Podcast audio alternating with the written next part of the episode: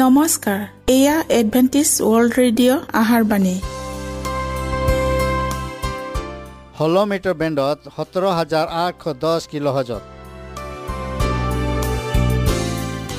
Adventist world Radio যোগে অসমীয়া ভাষাত প্ৰচাৰিত আহাৰবাণী প্ৰত্যেক বুধবাৰ আৰু দেওবাৰ সন্ধিয়া সাত বজাত আহাৰবাণী শুনাৰ পিছত আপোনালোকৰ কিবা মন্তব্য আৰু প্ৰশ্ন থাকিলে আমালৈ এই ঠিকনাত লিখক। আমাৰ ঠিকনাটি হৈছে Adventist world radio' seven day Adventist মণ্ডলী অসম শাখা লতাকাটা বশিষ্ট গুৱাহাটী সাত আঠ এক শূন্য দুই ন।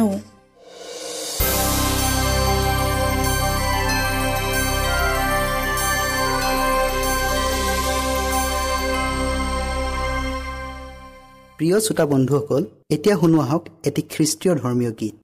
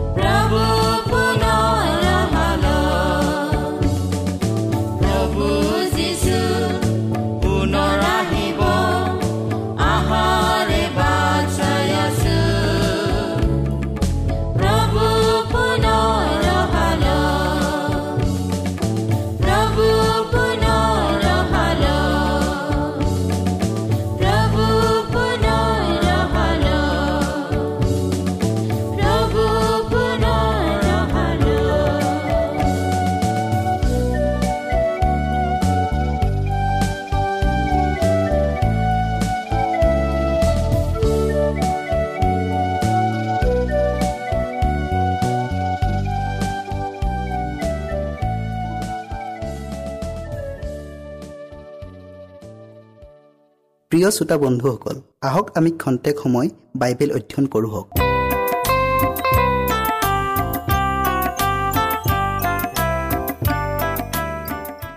আমাৰ আজিৰ বিষয়টি হ'ল নোহৰ দিনত যেনেকৈ ঘটিছিল। লোক সোতৰ অধ্যায়ৰ ছাব্বিছ পদ। আৰু নোহৰ দিনত যেনে ঘটিছিল মানুহৰ পুত্ৰৰ দিনতো তেনে হ'ব। আমি প্ৰাৰ্থনা কৰোঁ হওক। হে প্ৰেমময় আৰু আশীৰ্বাদদাতা পিতা তোমাৰ চৰণত আকৌ পৰিছোঁ।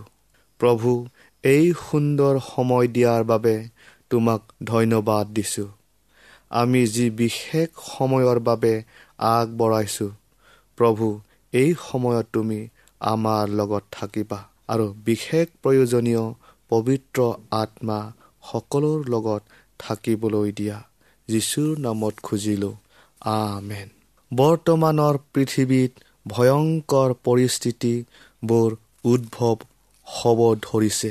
কৰোণাৰ দূতজনে দেউকা দুখন মেলি লৈছে প্ৰস্থান কৰিবলৈ উদ্যত হৈছে। ঈশ্বৰৰ বিধানক অৱজ্ঞা কৰি ভৰিৰে গছকি গৈছে।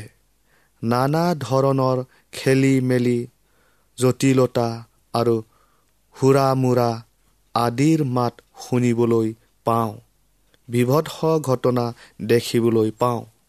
অভাৱ আৰু অনাটন ভূমিকম্প আৰু বাণী পানী মানুহৰ দ্বাৰা সংঘটিত ভয়ংকৰ প্ৰকাশ্য উদ্ভণ্ডালী উপদ্ৰৱ আদি ঘটনা দেখিবলৈ পোৱা যায়।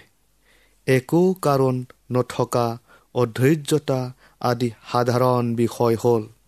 চদুম আৰু গমোৰা নগৰৰ মানুহৰ দৰে যিসকল অতি সোনকালে দুৰ্নীতি পৰায়ণ হৈছে পাপত কুলুষিত হৈছে সেইসকলৰ ওপৰত অতি সোনকালে ঈশ্বৰৰ ক্ৰোধ পৰিব। ইতিমধ্যে অগ্নি আৰু জলপ্লাৱনৰ দ্বাৰা হাজাৰ হাজাৰ মানুহৰ জীৱন আৰু ধন সম্পত্তি নষ্ট হ'ল। যি ধন সম্পত্তিবোৰক সিহঁতে স্বাৰ্থপৰতাৰে দুখীয়াসকলক শোষণ কৰি অৰ্জন কৰিছিল। ঈশ্বৰে নিজৰ কাৰ্য অতি সোনকালে শেষ কৰিব আৰু পাপক অন্ত কৰিব। এই শেষৰ দিনৰ অধৰ্মৰে পৰিপূৰ্ণ অভ্যাস আচাৰ ব্যৱহাৰ চৰিত্ৰ আদিৰ দৃশ্যৰ বিষয়ে দেখুওৱা হৈছে। পৃথিৱীত প্ৰচলিত অধৰ্মতাৰে পৰিপূৰ্ণ বিষয়বোৰে ঈশ্বৰৰ লোকসকলৰ মনত এক গভীৰ সাজ বহুৱাব পাৰে। নোহৰ দিনত যেনে ঘটিছিল মানুহৰ পুত্ৰৰ আগমনৰ দিনতো তেনে ঘটিব। পৃথিৱীৰ ওপৰত থকা তেওঁৰ নিষেধাজ্ঞা তেওঁ গুচাবলৈ আৰম্ভ কৰিছে আৰু অতি সোনকালে পৃথিৱীত মৃত্যু আৰু ধ্বংস সংঘটিত হ'ব। যিবিলাকে দুখীয়াৰ ওপৰত নিজকে ধনী দেখুৱাইছে অতি সোনকালে তেওঁবিলাকৰ বিৰুদ্ধে অপৰাধ আৰু নিষ্ঠুৰ অমংগল কাৰ্য চলোৱা হ'ব। এনে অৱস্থাত যিসকলৰ ওপৰত ঈশ্বৰৰ ৰক্ষা কবচ নাথাকিব তেওঁবিলাকে কোনো ঠাইতে নিৰাপদ স্থান অথবা নিৰাপত্তা বিচাৰি নাপাব। আঘাত আক্ৰমণ আৰু হত্যা লুণ্ঠন আদি আটাই অধৰ্মৰ কাম কৰিবলৈ দুষ্ট মানুহবোৰে নতুনকৈ অৱস্কৃত হোৱা অত্যাধুনিক অস্ত্ৰ শস্ত্ৰবোৰ ব্যৱহাৰ কৰিব।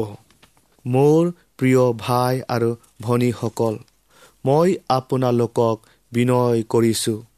বহুতে জীৱনবোৰ ইমান বিলাসীপূৰ্ণ আৰু ইমান জাগতিক। সিহঁতে নিজেই ভাবে যে সিহঁতবোৰ খ্ৰীষ্টিয়ান। কিন্তু প্ৰকৃত খ্ৰীষ্টান জীৱনৰ তাৎপৰ্যা কি তাক সিহঁতে নাজানে। এজন খ্ৰীষ্টান হোৱাৰ অৰ্থটোনো কি বাৰু? ইয়াৰ অৰ্থ হ'ল খ্ৰীষ্টৰ নিচিনা হোৱা। তেওঁৰে সৈতে একেলগে কাম কৰি ঈশ্বৰক সহযোগ কৰা মন মন্দিৰত থকা আটাই প্ৰকাৰৰ মূৰ্তিবোৰক আঁতৰাই দূৰ কৰা। এতিয়া সময়বোৰ ঈশ্বৰৰ হ'ল আৰু তেওঁৰ সময়বোৰ আপোনাৰ হ'ল। বিশ্বাসৰ এক উত্তম যুদ্ধত লিপ্ত হোৱা।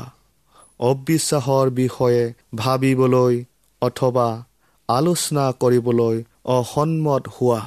পৃথিৱীয়ে অন্তিম সতৰ্কৰ বাণীটোক শুনিব লাগিব। প্ৰথম কৰিন্তিয়ৰ চাৰি অধ্যায়ৰ নৌ পদটো আমি চাওঁ কিয়নো জগতৰ আগত আৰু স্বৰ্গদূত আৰু মানুহৰ আগত আমি এক প্ৰদৰ্শনী দেখুৱালোঁ। পৃথিৱীখন হৈছে এখন মঞ্চ। ইয়াৰ নিবাসীসকল হৈছে অভিনেতা আৰু অভিনেত্ৰী। ইহঁতে সকলোৱে অন্তিম বৃহৎ নাটকত অংশগ্ৰহণ কৰিবলৈ নিজকে সাজু কৰিছে। মানৱৰ এক বৃহৎ সমণ্ডলত মানুহে যেতিয়ালৈকে নিজৰ স্বাৰ্থ ত্যাগ নকৰিব তেতিয়ালৈকে একতা নাহিব। সকলোৱে মিলি স্বাৰ্থপৰতাক ত্যাগ কৰিবই লাগিব। ঈশ্বৰে ইয়াকে লক্ষ্য কৰি আছে। বিদ্ৰোহীৰ প্ৰতি থকা তেওঁৰ উদ্দেশ্যকো তেওঁ হামফল কৰিব। ঈশ্বৰে যদিও নানা ধৰণৰ খেলি মেলি আৰু বিশৃংখলতাৰ পৰিস্থিতি পৃথিৱীত অলপ সময়ৰ বাবে সংঘটিত হ'বলৈ অনুমতি দিছে তথাপিও ঈশ্বৰে পৃথিৱীখনক দুষ্ট মানুহৰ হাতত এৰি নিদিব। নাটকৰ অন্তিম মহা দৃশ্য দেখুৱাবলৈ ভিতৰৰ পৰা এটা শক্তিয়ে কাম কৰি আছে। ছয়তান কৃষ্টৰ ৰূপ লৈ আহি আছে। আৰু অধৰ্মময় প্ৰবঞ্চনাৰে সি সেই লোকসকলৰ মাজত কাম কৰি আছে যিসকলে নিজকে সেই গুপ্ত সমাজৰ লগত সাঙুৰি লৈছে যিসকলে নিজ ধৈৰ্য হেৰুৱাই তাৰ লগত মিত্ৰতা স্থাপন কৰিলে। সিহঁতে সেই শত্ৰুজনৰ আঁচনিত কাৰ্য কৰি কৰিবলৈ কাম কৰি আছে। কিন্তু ইয়াৰ পৰিণাম সিহঁতে নিশ্চয়ে ভোগ কৰিব। বিধান লংঘনৰ পাপে ইয়াৰ সীমা অতিক্ৰম কৰিলে। পৃথিৱীখন খেলি মেলিৰে পূৰ্ণ হ'ল আৰু এক প্ৰকাণ্ড ভয় মানৱ জাতিৰ মাজত অতি সোনকালে আহি আছে। অন্তিম সময় নিচেই ওচৰত।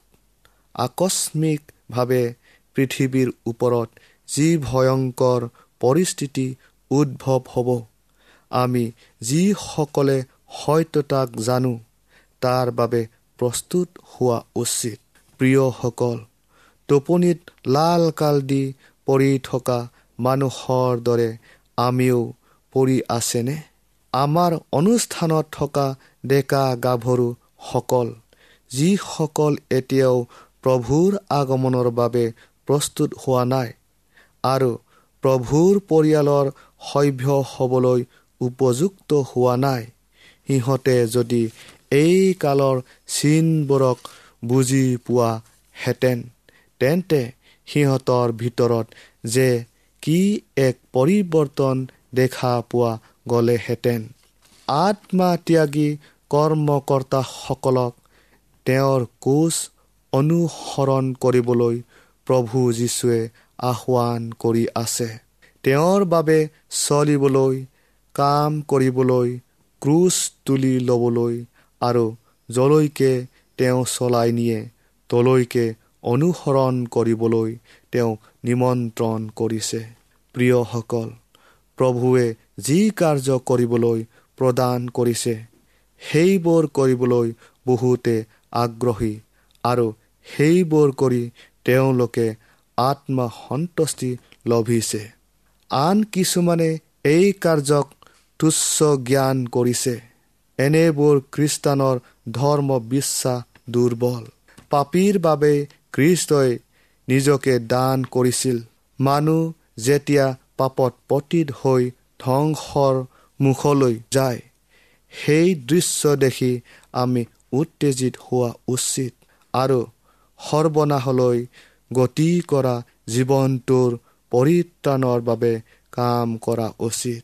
প্ৰিয় বন্ধুসকল কাৰণ এই জীৱনবোৰক খ্ৰীষ্টই অপৰিসীম মূল্যৰে কিনি ল'লে। ঈশ্বৰৰ পুত্ৰজনাই সেই কালবাৰীৰ কোচত শত হৈ তাৰ মূল্য পৰিশোধ কৰিলে। সিহঁতে অনন্ত জীৱন পাব নে অনন্ত মৃত্যু পাব? দিন প্ৰতিদিনে সিদ্ধান্ত নিজেই ল'ব লাগিব। ঈশ্বৰে আমাক সকলোকে আশীৰ্বাদ কৰক।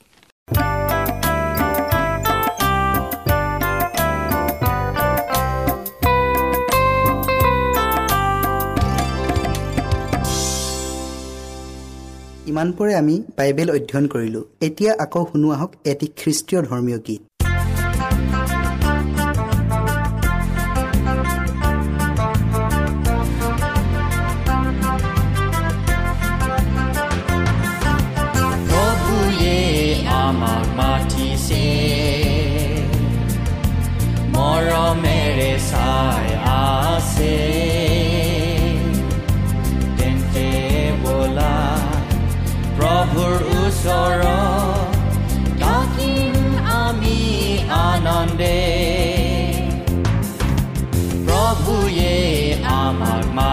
মাতিছে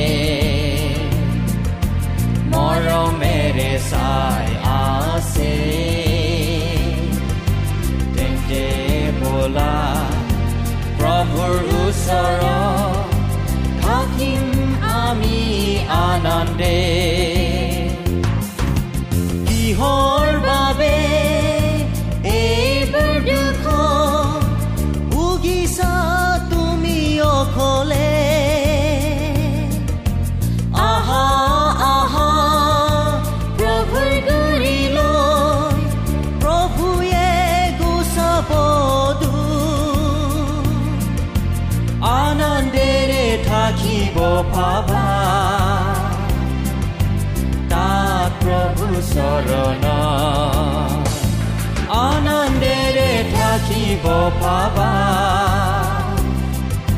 তাত প্ৰভু চৰণ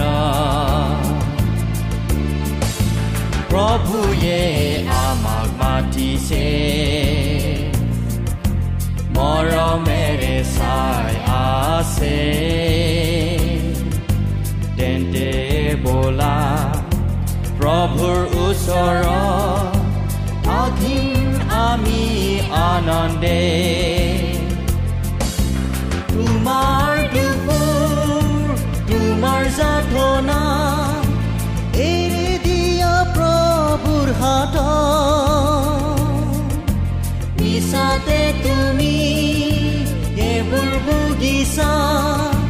পাপই সমুদ্ৰৰ মাজত প্ৰভুয়ে তোমাক বচাব তাতে তুমি শান্তি পাবা প্ৰভুয়ে তোমাক বচাব তাতে তুমি শান্তি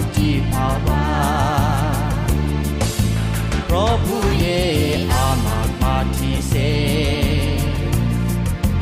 মৰমেৰে চাই আছে। তেন্তে বলা প্ৰভুৰ ওচৰত থাকিম আমি আনন্দে। প্ৰভুয়ে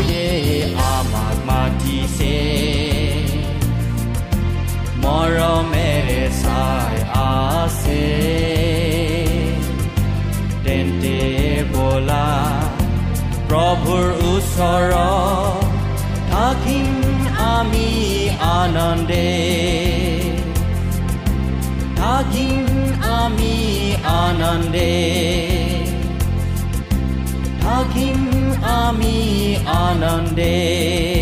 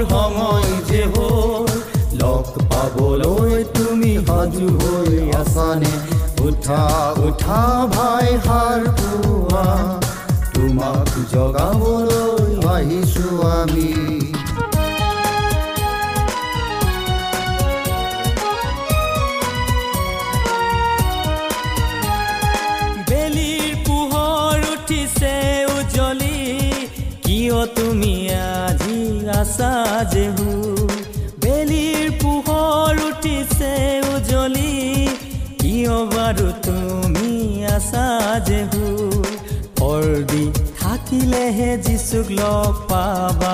প্ৰাৰ্থনাত নাথাকিলে কিৰিটি যে নাপাবা। টোপনিতে থকা জনে স্বৰ্গ যে নাপাব।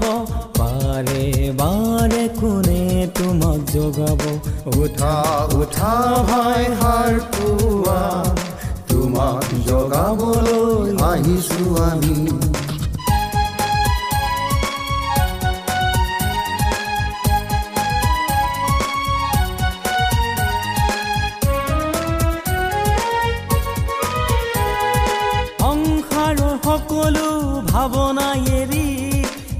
যিচুৰ কাষলৈ আহা চাপি। সংসাৰৰ সকলো ভাৱনা এৰি যিচুৰ কাষলৈ আহা চাপি। যিজন নাহিব ৰক্ষা যে নাপাব ৰক্ষা পোৱাজনে জীৱন পাব। দুবাহু মেলি তেওঁ আছে বাচ্চা মাতিছে তোমাক আজি আহাহে ঘূৰি উঠা উঠা ভাই হাৰ পোৱা তোমাক জগাবলৈ আহিছো আমি উঠা উঠা ভাই হাৰ পোৱা তোমাক জগাবলৈ আহিছো আমি উঠা উঠা ভাই হাৰ পোৱা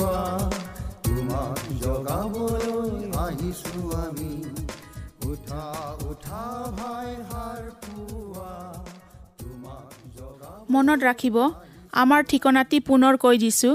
Adventist world radio' Assam region of seven day Adventist voice of hope Latakata Basistha Guwahati seven eight one zero' two nine প্ৰিয় শ্ৰোতা বন্ধুসকল এডভেণ্টিজ ৱৰ্ল্ড ৰেডিঅ' যোগে আহাৰবাণী প্ৰচাৰত আপোনালোকক পুনৰ লগ পোৱাৰ আহাৰে আজিলৈ সামৰিলোঁ। ধন্যবাদ।